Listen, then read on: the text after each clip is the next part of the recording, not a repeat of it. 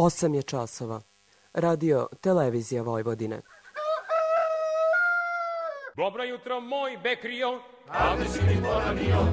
Dobro jutro moj Bekrio, avde si mi poranio. Ta kako ne bi poranio kad upravo počinje emisija Radio Novog Sada. Poljoprivredno dobro. Radio magazin za poljoprivredu i selo. Pred mikrofonom je Stevan Davidović.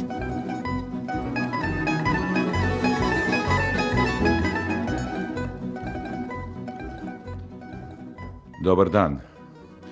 Evo, svakake godine u, u ovo vreme na poljoprivrednom sajmu e, Radio Novi Sad uživo iz studija.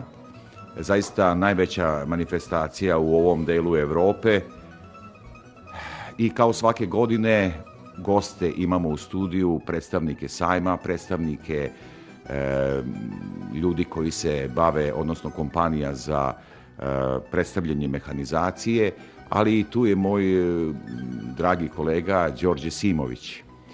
E, samo da dok ne krenemo sa emisijom, e, gosti u studiju će biti E, predstavnica sajma Gordana Knežević i sa nama je već u studiju gospodin Đorđe Mišković, izvršni direktor kompanije Kite DOO, inače darodavac u poklon igri.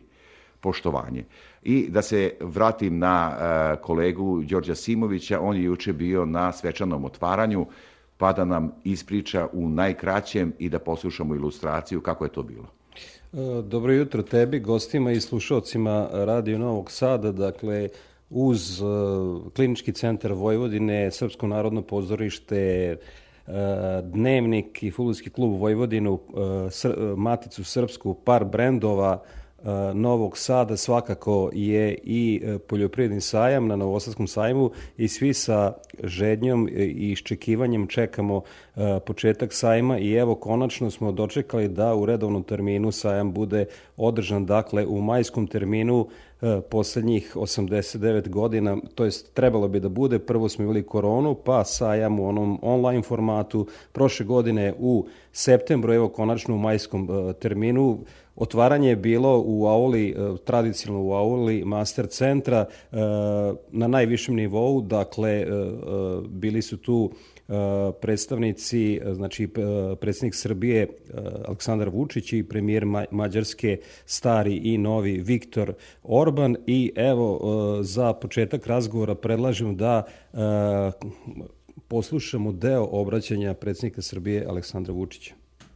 Ako se ne promeni nešto oko sukoba na istoku Evrope, značajan deo sveta, više od četvrtine sveta, biće u velikom problemu u potrebi za elementarnim količinama hrane, što može da donese nove katastrofe na svetskom nivou i nove probleme od bezbednostnih do svih ostalih, jer se ljudi bore za svoj opstanak.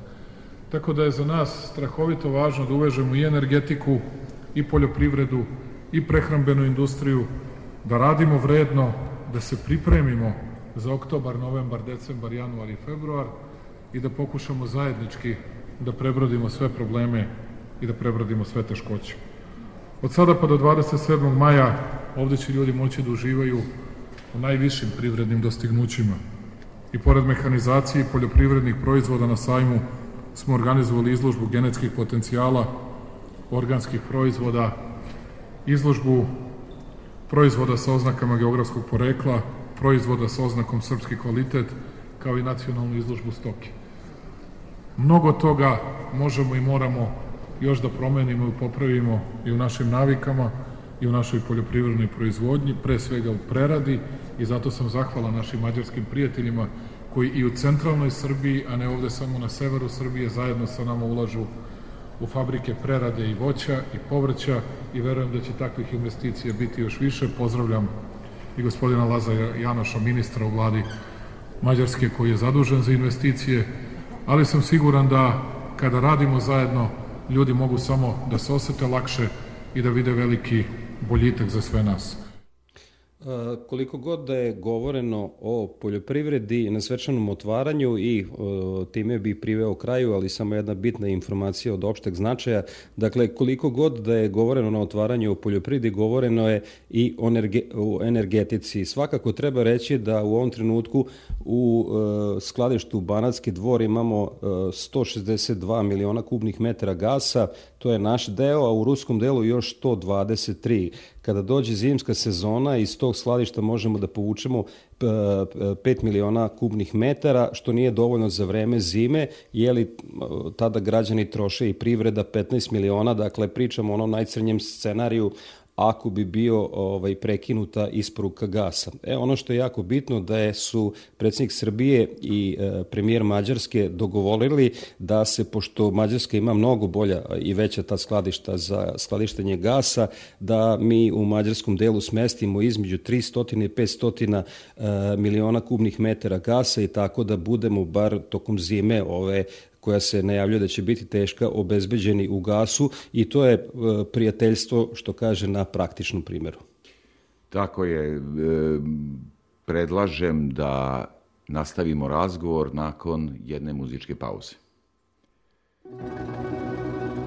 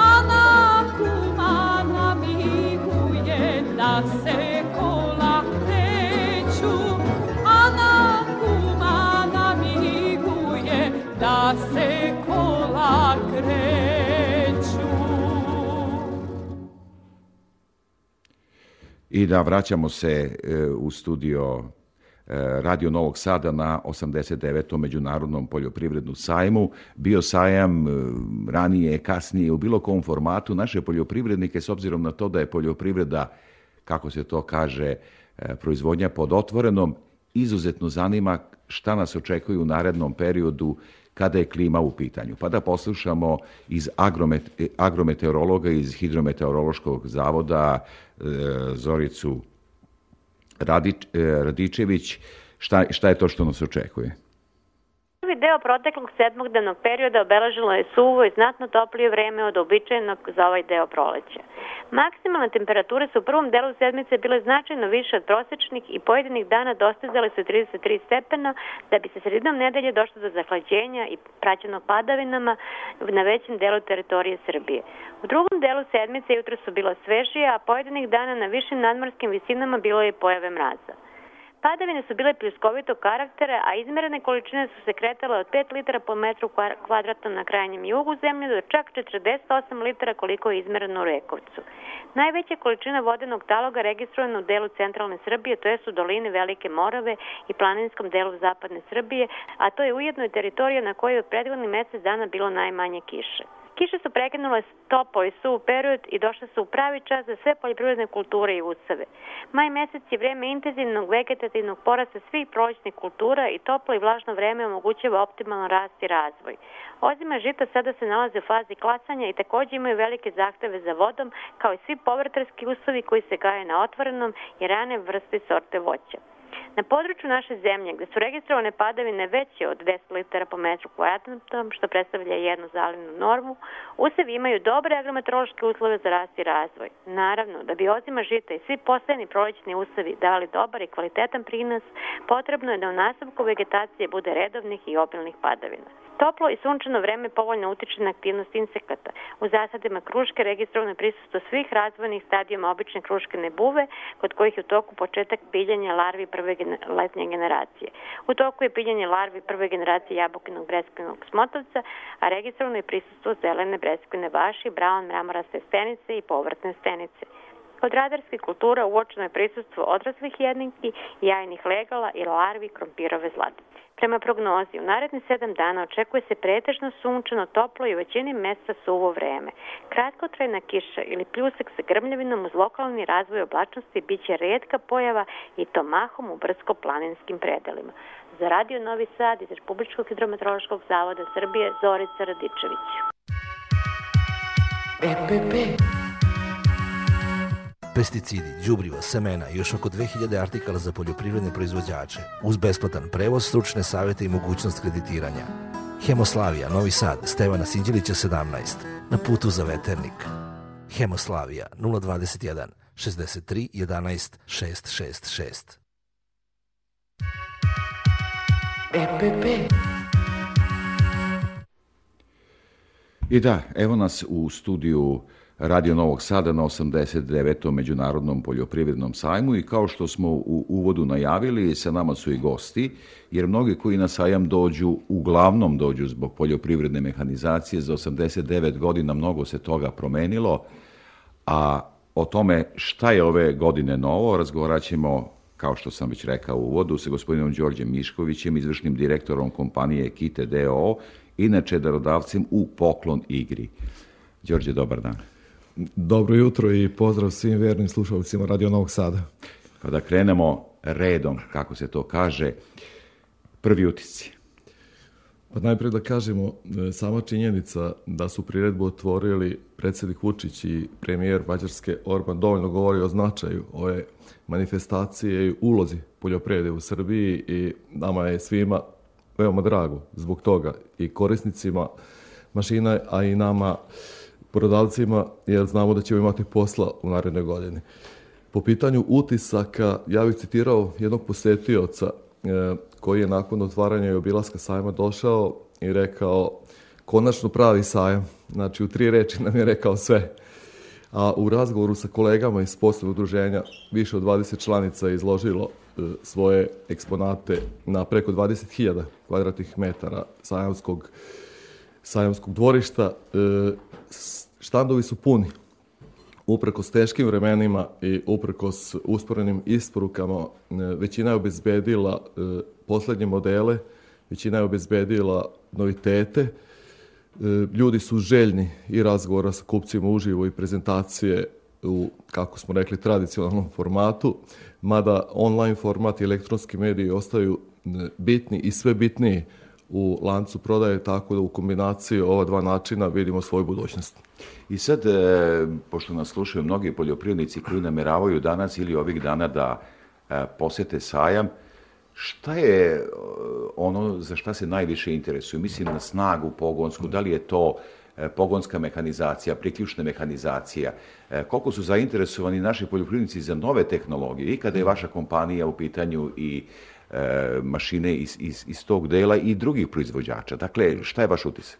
Naša segmentacija tržišta uvek kreće od strukture veličine poljoprivrednog gazdinstva. To u mnogome diktira i veličinu mašine i snagu traktora i zahvat kombajna, a po pitanju novih tehnologija i dalje postoji e, veći procenat onih koji su se opredelili za tradicionalnu, konvencionalnu obradu zemljišta, znači, da kažemo, oranje, i nakon toga sve operacije, dok je narastajuća grupa konzervacijskih sistema obrade još uvek ta koja e, umanjeni pokušava da nametne to kao nešto gde se jasno i transparentno vidi ušteda sredstava. Znači, monitoring troškova, a sa druge strane optimizacija prenosa. E, E, dominira, dominira interes za traktore do 100 kW koji su najčešći predmet e, svih subvencija kako iz nacionalnih tako i iz međunarodnih izvora, a po pitanju, e, po pitanju priključnih mašina da kažemo da je podjednak interes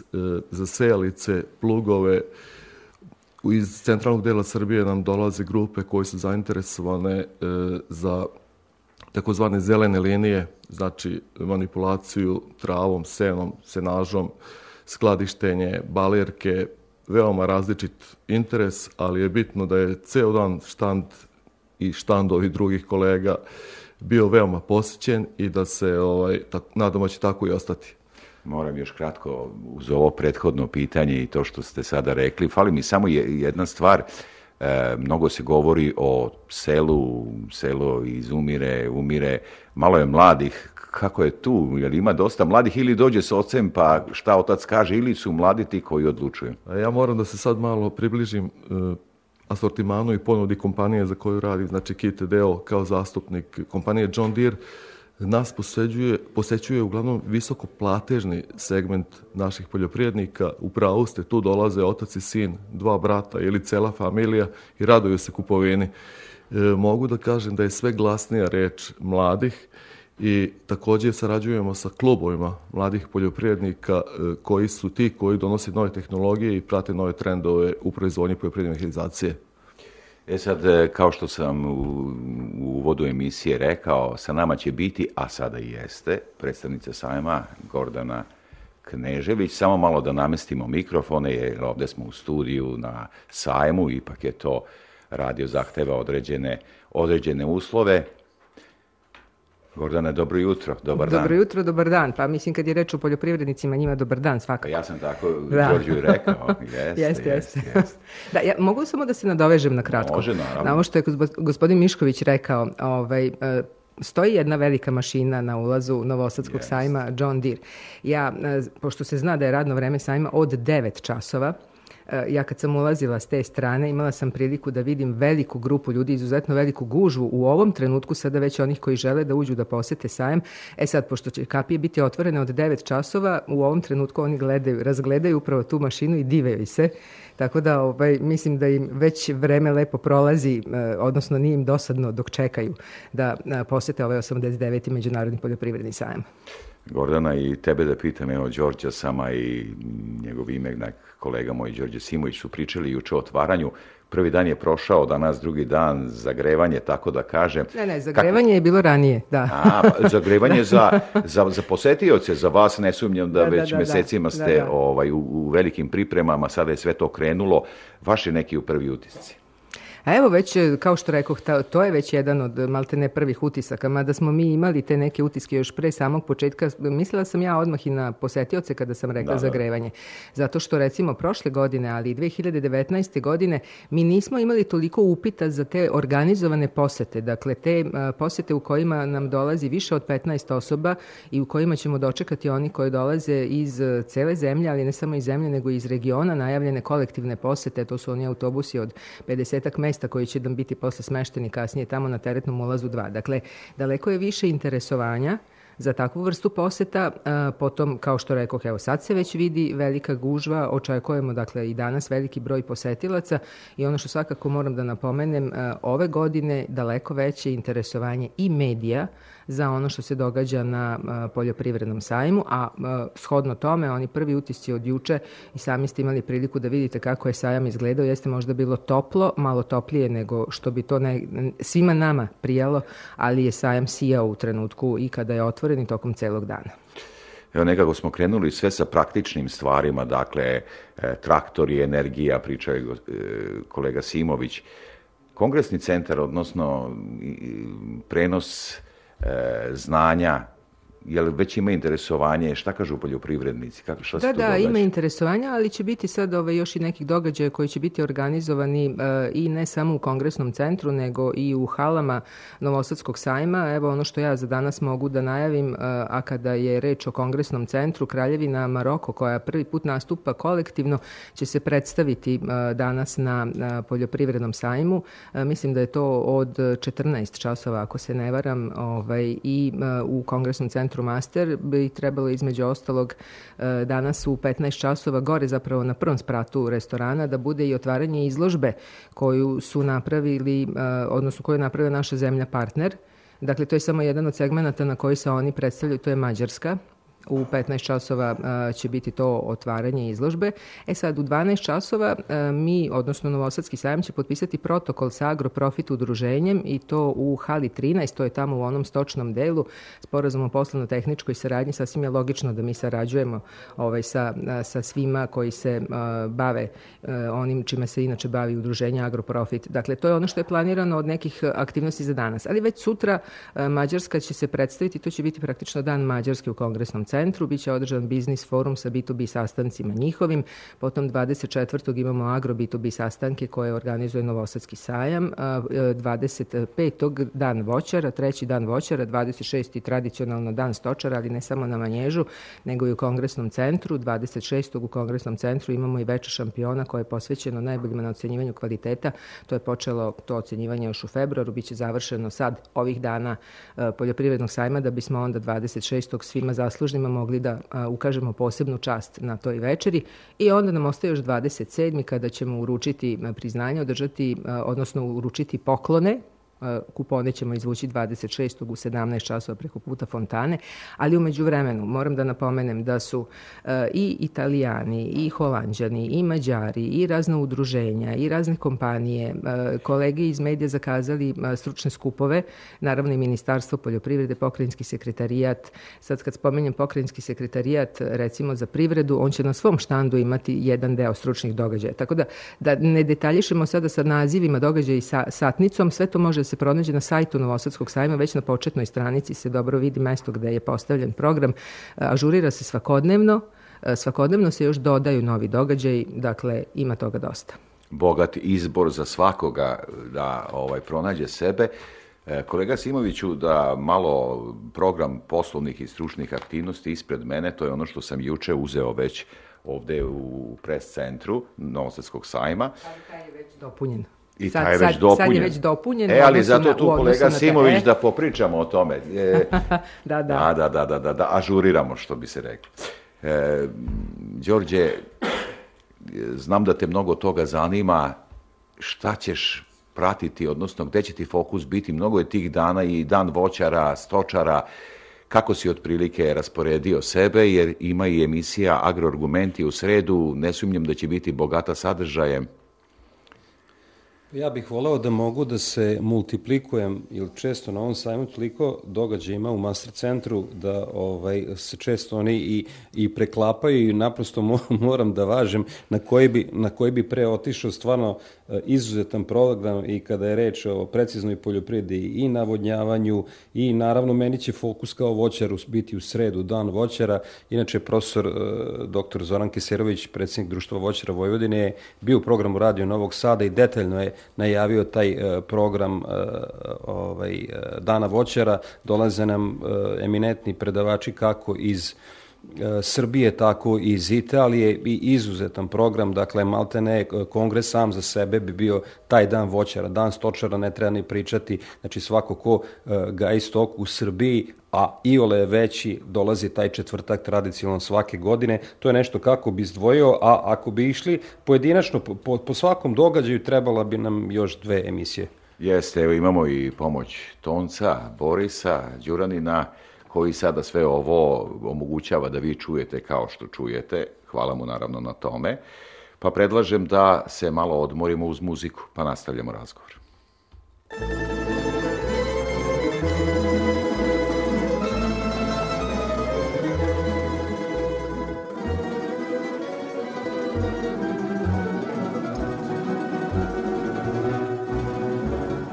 Đurđevska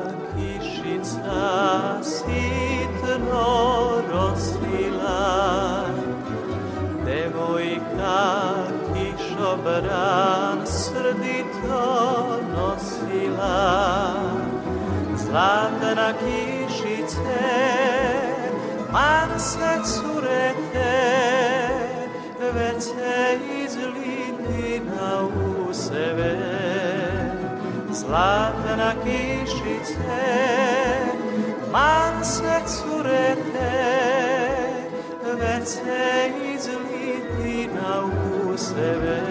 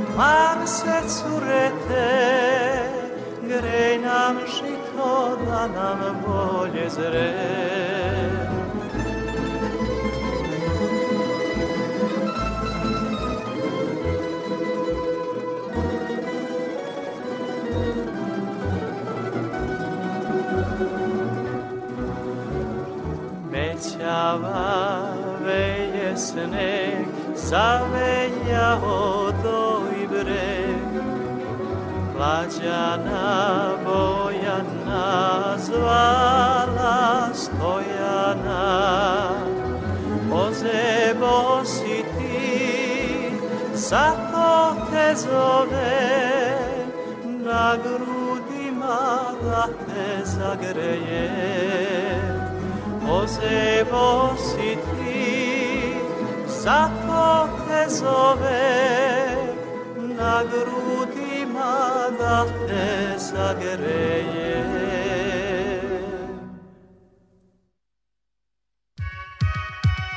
EPP.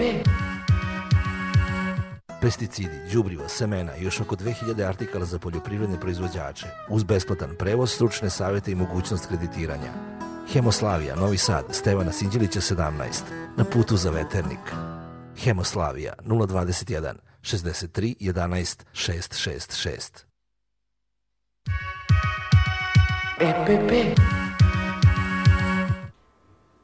Studio Radio Novog Sada na 89. Međunarodnom poljoprivrednom sajmu u Novom Sadu i ceo ovaj sajam, odnosno događanja u agraru, ove godine naročito prate izuzetno visoke cene hrane, pre svega primarnih poljoprivrednih proizvoda, žitarica, pšenice. O tome sam, kao uvod za dalji razgovor sa našim gostima, razgovarao sa gospodinom Žarkom Galetinom, agroekonomskim analitičarem, pa da poslušamo taj razgovor kao uvod u nastavak razgovora sa predstavnicima Kitea i sa e, gospođom Gordanom Knežević, pa da poslušamo razgovor sa Galetinom.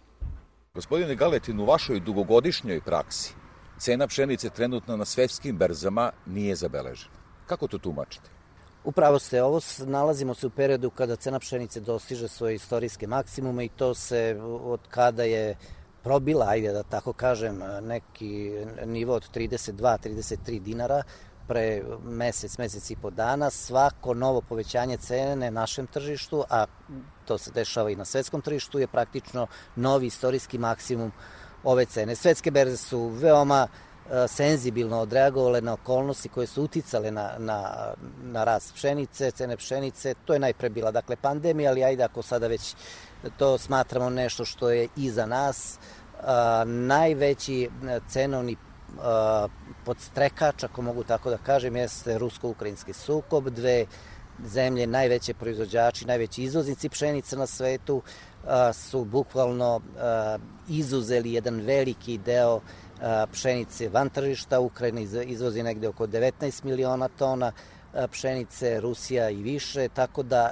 je skoro jedna jedna trećina pšenice u jednom trenutku bila imobilisana van tržišta i to je ono što, što je u najvećoj meri, meri postaklo uh, postaklo rast cena na svetskom tržištu. Imamo nove okolnosti, to su zatvaranja tržišta. Rusija je svoje tržište pšenice praktično ograničila što se tiče izvoza, čak i pre rusko-ukrajinskog sukoba. Evo imamo najnoviji primer da je Indija obustavila, Indija koja je isto jedan od najvećih, drugi najveći proizvođač pšenice i tako je i jedan od respektabilnih izvoznika pšenice, zaustavila izvoz pšenice, donela, donela odluku o, za, o, o zabrani izvoza pšenice. Dakle, to su sve okolnosti koji su tržište doveli dotle da mi imamo danas apsolutne cenovne rekorde e, kako na nivou svetskih e, berzi, tako i kod nas. Da podsjetim, trenutna cena kod nas je čak i prešla tu neku psihološku granicu od 40 dinara po kilogramu bez PDV i ona danas na produktnoj berzi u Novom Sadu kotira na nivou 40,50 dinara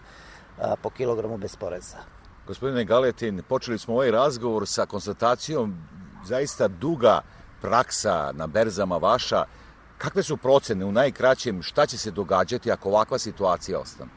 Vrlo je nezahvalno, naravno, kao i uvek, davati, davati procene. Ono što je izvesno e, da će cene istrajati na ovako visokim pozicijama.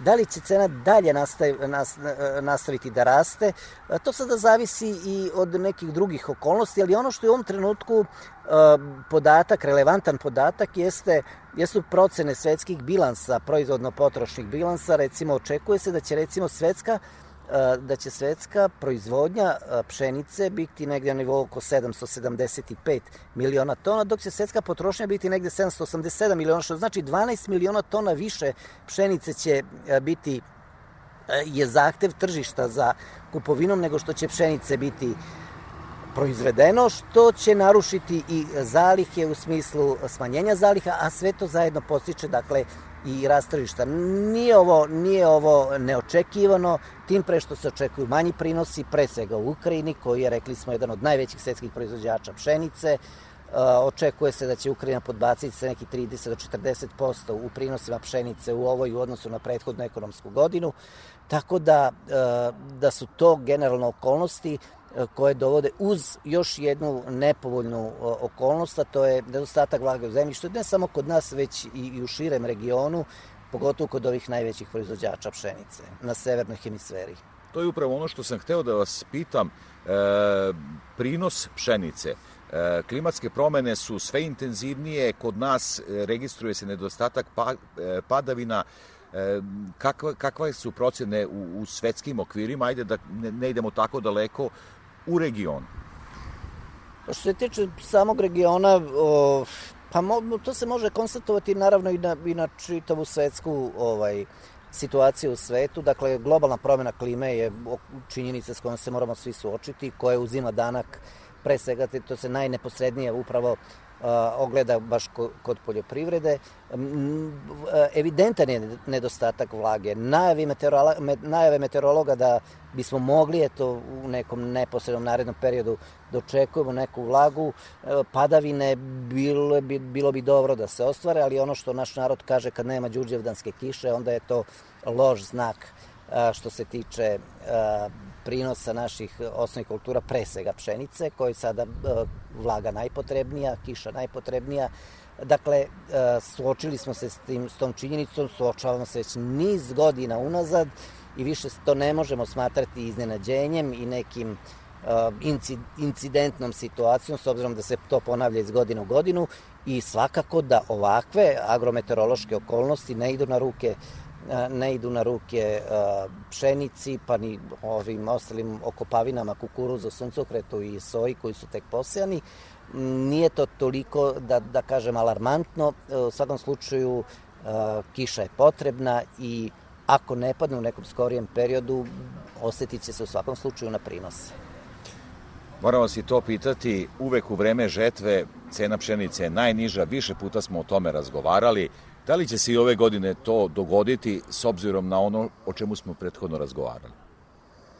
Pa svakako da je period žetve e, sezonski posmatrano period najnižih cena, pošto je tada pritisak ponude u principu najveći, ali s obzirom na ove vanredne okolnosti koje se dešavaju i koje će se očigledno, koje će očigledno biti prisutne još neki duži period, pa čak i pod pretpostavkom da se te E, da kažem, nesrećne okolnosti, ako mogu tako da ih nazovem, ta rusko-ukrajinski sukob i završi u nekom skorijem periodu, posljedice će biti veoma dugotrajne i dugo, će, dugo ćemo ih osjećati, tako da e, možemo očekivati u vreme žetve možda nešto malo manju cenu, ali u svakom slučaju nikad veću zabeleženu u periodu u periodu skidanja useva i verujem da će čak mnogi, mnogi poljoprivrednici uh, prodati pšenicu u vreme žetve, a da neće biti mnogo zakinuti sa te finansijske strane kao što se to dešavalo prošle godine. Dakle, ne očekujem neku, neki veliki pad cene pšenice u vreme same žetve, jer je pšenica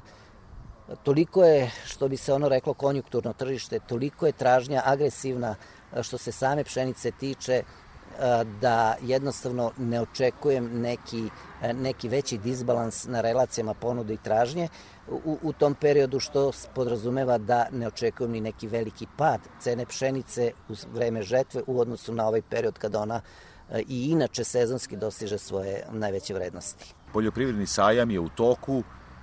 Vredi li ulagati u poljoprivredu, da li veći prinos će značiti u ovim godinama i veću zaradu? svakako da će značiti, bez obzira na okolnost što su inputi e, kao nikada ranije e, porasli, e, imamo, svedoci smo jel, već oko rasta cena mineralnih đubriva, azotna đubriva se otišla dva i po puta gore u odnosu na pre godinu dana, cena energenata otišla, dizel goriva i tako dalje, tako da semenska roba i za hemija su nešto malo isto otišle gore, ali ne tako kao ova dva inputa. Međutim, kada pogledate tu finalnu cenu tih proizvoda, ja mislim da, da to u stvari i nije dilema.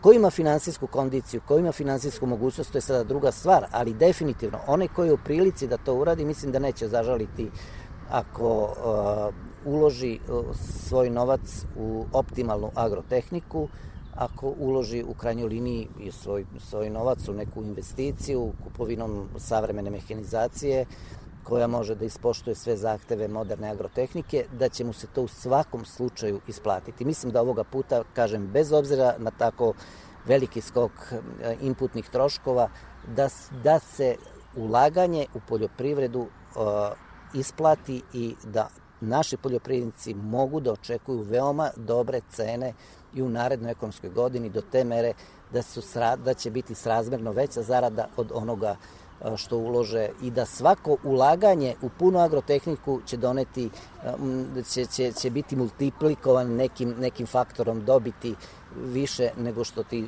sami troškovi koštaju. Agroekonomski analitičar, gospodin Žarko Galetin, velikom hvala za ovaj razgovor. Hvala i vama. Evo, čuli smo gospodine Miškoviću, gospodine Galetina, njegov stav je procena da treba ulagati u agrar – između ostalog i u poljoprivrednu mehanizaciju. Vaš komentar. Ja mogu samo da se nadoležem na reči gospodina Galetina da ulaganje u poljoprivredne mašine, savremene poljoprivredne mašine je ulaganje u proizvodno dobro. Ne treba seljak e, da da zadnju paru iz kuće za mašinu, ali e, u strahu od inflacije, obezvređivanja svoga novca, u vremenu uh, rasta troškova, ne samo inputa u poljoprivrednu proizvodnju, nego i svih ostalih troškova života, poljoprivrednici koji znamo da su e, u protekle dve godine imali vrlo pristojne cene svojih outputa, pogotovo žitarica, ulažu u traktore, kombajne, sisteme za navodnjavanje, sve je veći broj ljudi koji e, kupuju, a kroz subvencije vidimo da je taj program veoma podržan i e, vidimo da je tu neka razmera ulaganja u proizvodna i potrošna dobra u velikom procentu na strani proizvodnih dobara gde se nalaze i sama mehanizacija. Tako da sa te strane i pogotovo u oblasti opreme za setvu kod, po pitanju pšenice i jesenjih kultura u toku jučerašnjeg dana, kao što sam u prvom delu pomenuo, je bio izuzetno, izuzetno veliki interes. Znači, pšenica postaje ponovo kultura u žiži za koju su poljoprivrednici sve više zainteresovani. Kada je vaša kompanija u pitanju, eh, evo, gospodin Galetin je pominjao i rast cene đubriva, eh, energe, energije, šta je sa mehanizacijom u tom smislu, malo da nam pojasnite, da. Eh, problemi samih proizvođača i tako dalje.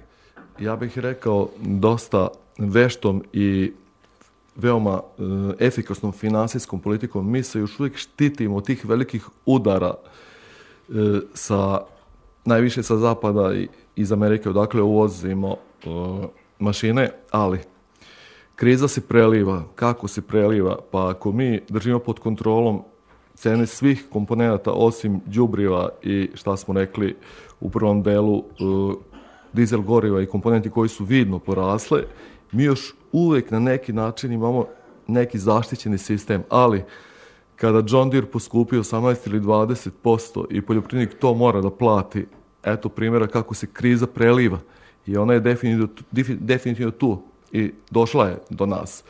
E, mi se zaista trudimo da radimo sa, ne mogu reći minimalnim, ali sa optimalnim maržama koji i naš život kao dilera omogućavaju na nivou koji se očekuje, znači da odreagujemo brzo prilikom poziva u servisu, da imamo dovoljno rezervnih delova, da imamo u relativno e, povoljnom roku isporuku.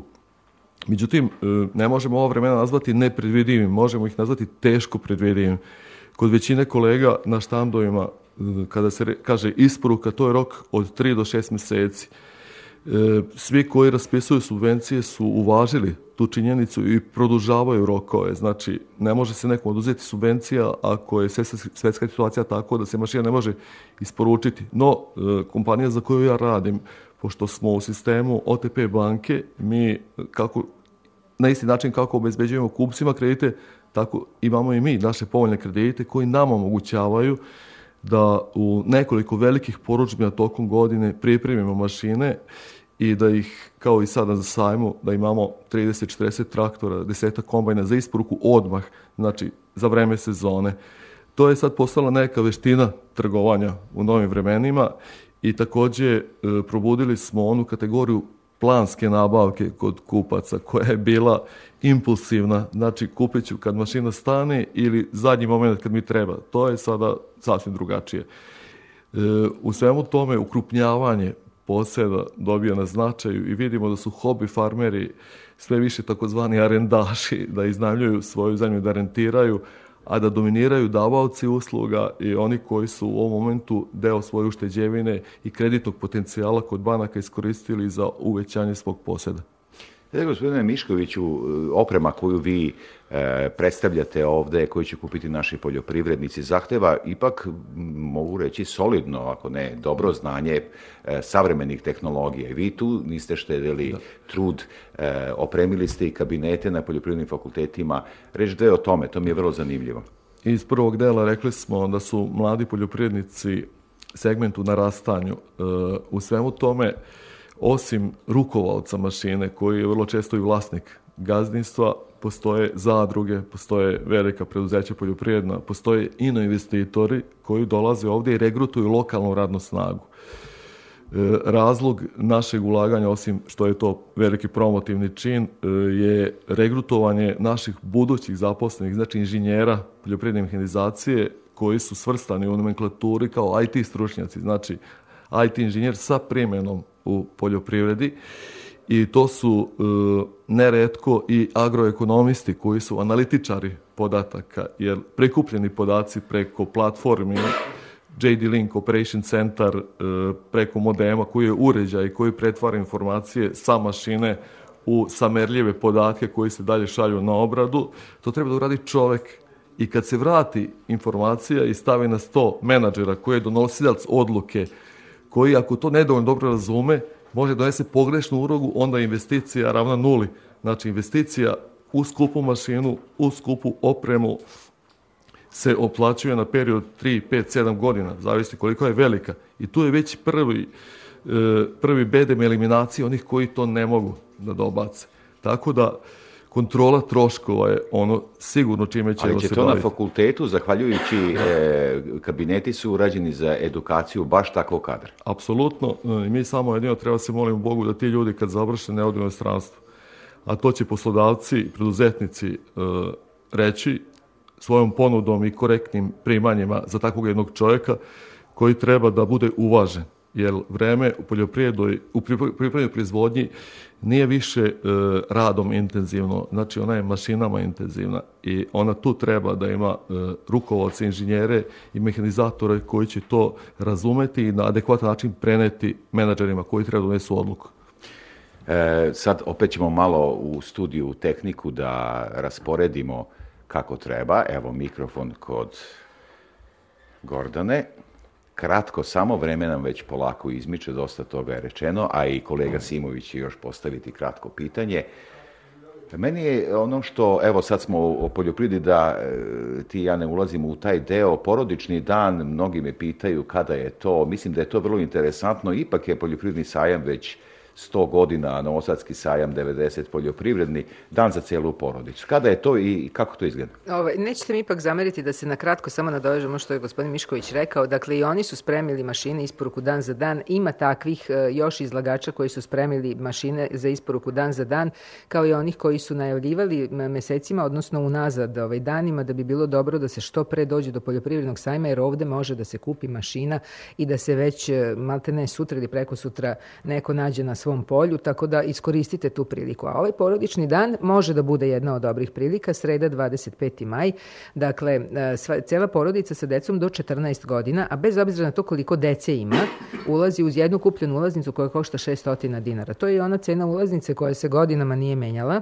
E, ulaznica za kolektivne posete 400 dinara, to su grupe veće od 15 osoba i one mogu da dođu i preko zadruga, preko kompanija, preko škola, preko fakulteta i tako te. E sad, ako dolaze preko škola, škole i fakulteta. Ulaznice za decu su 300 dinara, koliko košta ulaznica i za penzioneri za decu od 7 do 12 godina, deca do 7 godina ne plaćaju ulaz. Dakle, iskoristiti tu priliku, a sve prodate ulaznice su kuponi za učestvovanje u poklon igri Novosadskog sajma. Gospodin e, Đorđe Mišković i kompanija u kojoj on Kite DOO e, je naravno jedan od naših darodavaca, e, John Deere 5045D traktor koji će oni pokloniti. Imamo i agropanonku, 8, traktor onaj standardni, već Belarus 82.1, ali i još tri poklona su tu, prikolica, prskalica i rasipač. Imamo još i trećeg našeg darodavca, kompaniju MBV koja je prošle godine poklanjala u poklon igri vredne poklone. Dakle, iskoristiti priliku do četvrtka do 17 časova. Dakle, do 17 časova, dobro, daćemo mi koji minut još fore da se ubace kuponi i da onda nađemo i tih pet srećnih dobitnika.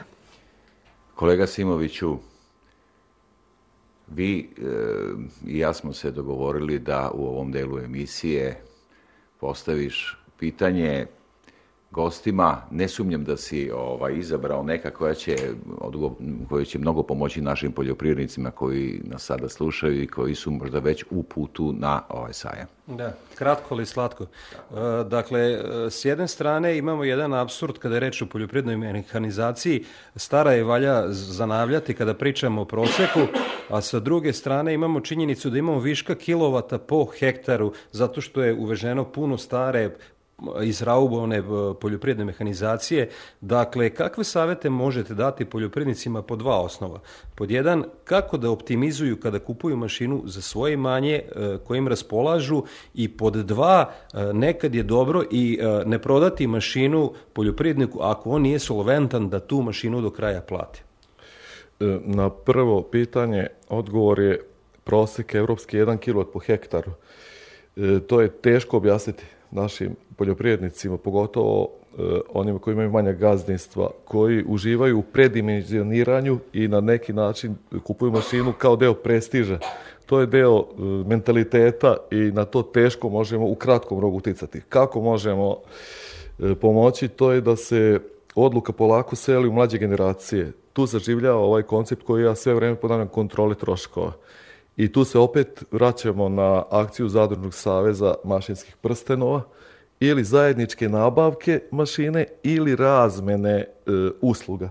Ja imam kombajn, vi imate traktor, treća e, farma ima dobru sejalicu i na kraju godine sednemo i pričamo u godini dobrih cena žitarica, to neće biti problem i definisat ćemo cenu rada, cenu goriva i jedni drugima ćemo se kroz neke kontokorentne obračune odužiti i razdužiti u vreme teških godina, u vreme kad su posrednici carovali ovim tržištem i kad seljak teško dođe do novčanog ekvivalenta, to je onda problem. Ali dobre iskustva Slovenije, Bavarske i drugih zemalja gde Zadružni savez ima jako lepih ilustracija, sigurno da mogu da pomogne. Međutim, na kraju prvog pitanja i odgovora da kažem da je to proces, da to nije čin i da će nam trebati vremena.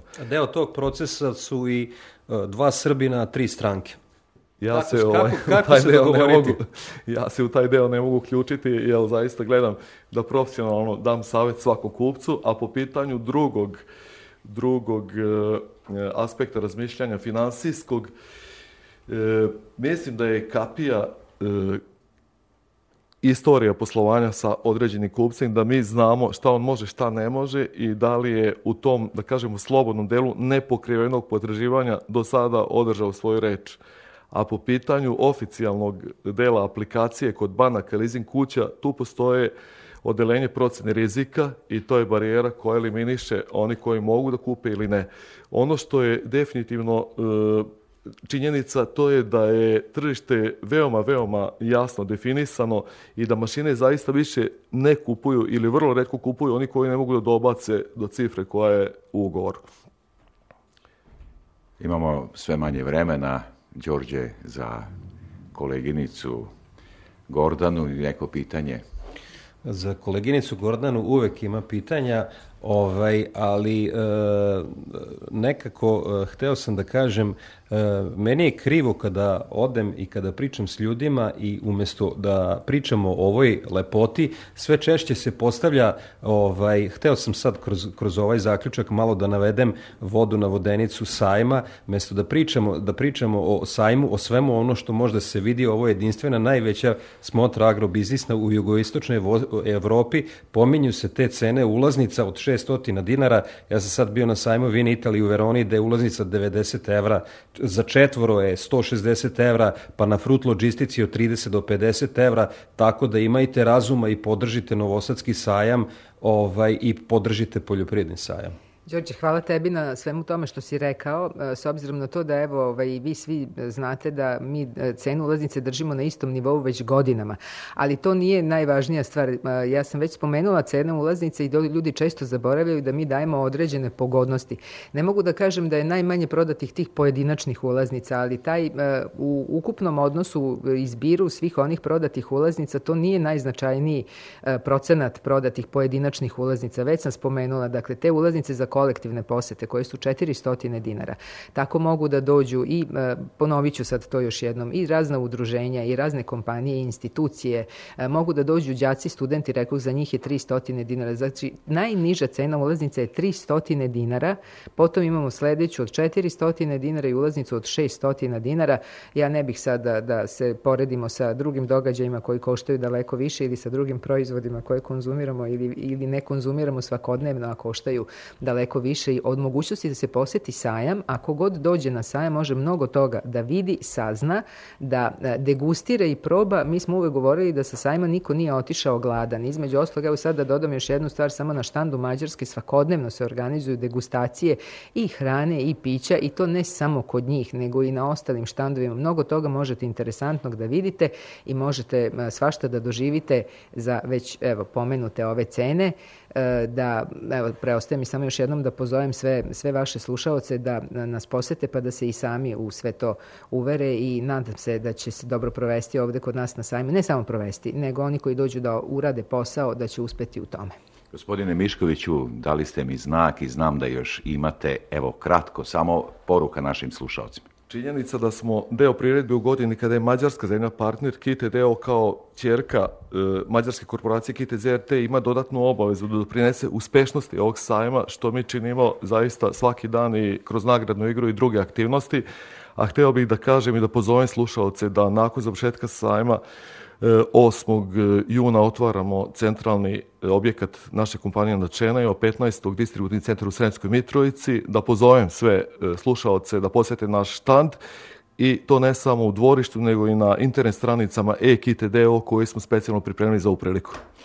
E, da još jednom samo podsjetim ko su bili naši gosti, mada iz godine u godinu uvek su isti, jer uvek imaju mnogo toga da kažu. Dakle, predstavnica sajma Gordana Knežević i gospodin Đorđe Mišković, izvršni direktor kompanije Kite DOO, darodavac u pokloni igri i naravno moj dragi kolega Đorđe Simović, e, Boris Đuranin nam je sve omogućio da se dobro čujemo i naravno Brana Stefanović, naša organizatorka koja je pomogla da sve funkcioniše kako treba. Svako dobro želim iz studija Radio Novog Sada na 89. Međunarodnom poljoprivrednom sajmu. Čekamo vas.